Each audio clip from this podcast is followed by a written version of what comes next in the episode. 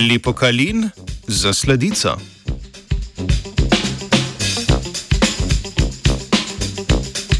V sredino jutro bomo zakorakali z odkritjem, za katerega je pred dnevi poskrbela ekipa ameriških znanstvenic in znanstvenikov. Ugotovila je, da bi hormon, imenovan lipokalin 2, lahko uporabili kot potencijalno učinkovino za zdravljenje debelosti pri ljudeh, pri katerih so običajni signali za sitost prenehali delovati. Svoje odkritje so objavili v reviji eLife.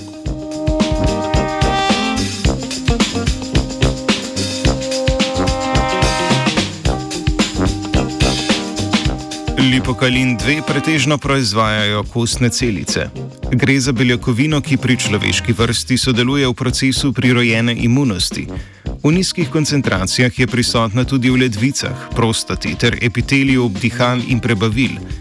Pretekle študije na miših so pokazale, da lipokalin 2 deluje na hipotalamus, kjer se nahaja možganski center za lakoto. Po vnosu hrane se poveča njegova sinteza, povišene koncentracije hormona pa privedajo do izgube apetita in prekinjenega hranjenja.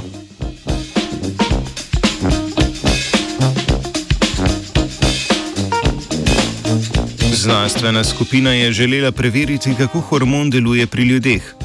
Najprej je analizirala podatke štirih različnih raziskav, v katerih so prostovoljke in prostovoljce iz ZDA in Evrope razvrstili v tri skupine s priporočeno, povišeno in prekomerno telesno maso. Pri vseh omenjenih raziskavah so preiskovancem in preiskovankam pred zajtrkom in po njem določili koncentracijo lipokalina 2 v krvi. Ugotovili so, da je pri ljudeh z normalno telesno maso po obroku prišlo do povišanja ravni hormona. Nasprotno se je pri osebah s povišeno in prekomerno telesno maso raven lipokalina 2 v krvi znižala. Na podlagi omenjenega odziva so raziskovalke in raziskovalci osebe razvrstili v dve skupini: na odzivne in neodzivne. Neodzivni, ki se jim je koncentracija lipokalina po dve po obroku ni povišala, so imeli pogosteje povišene vrednosti obsega pasu in drugih presnovnih parametrov, vključno z indeksom telesne mase, delež telesne maščobe, krvni tlak in raven glukoze v krvi.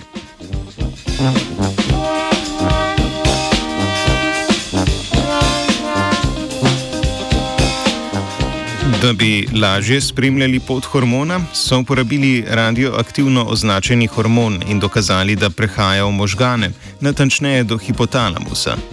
Po tej ugotovitvi jih je zanimalo tudi, ali bi zdravljenje s hormonom lahko zmanjšalo potrebo po vnosu hrane in preprečilo povečanje telesne mase. Odgovor so poskušali najti z enotedenskim zdravljenjem opic, ki so jih razdelili v dve skupini. Prvo so zdravili z lipokalinom 2, drugo s placebom.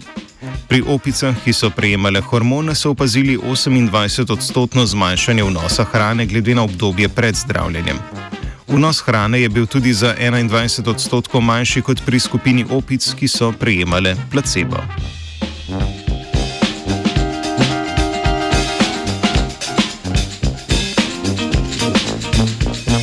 Sklop podatkov kaže, da bi lahko lipokalin 2 služil kot učinkovito in varno zdravilo proti debelosti, vendar bodo v prihodnosti potrebne obširnejše in dobro nadzorovane raziskave za natančnejšo opredelitev hormona kot biooznačevalca nenormalnega nadzora apetita. Raziskati bo treba vpliv indeksa telesne mase in ugotoviti, kako individualne prehranske navade vplivajo na odziv lipokalina 2 po obroku.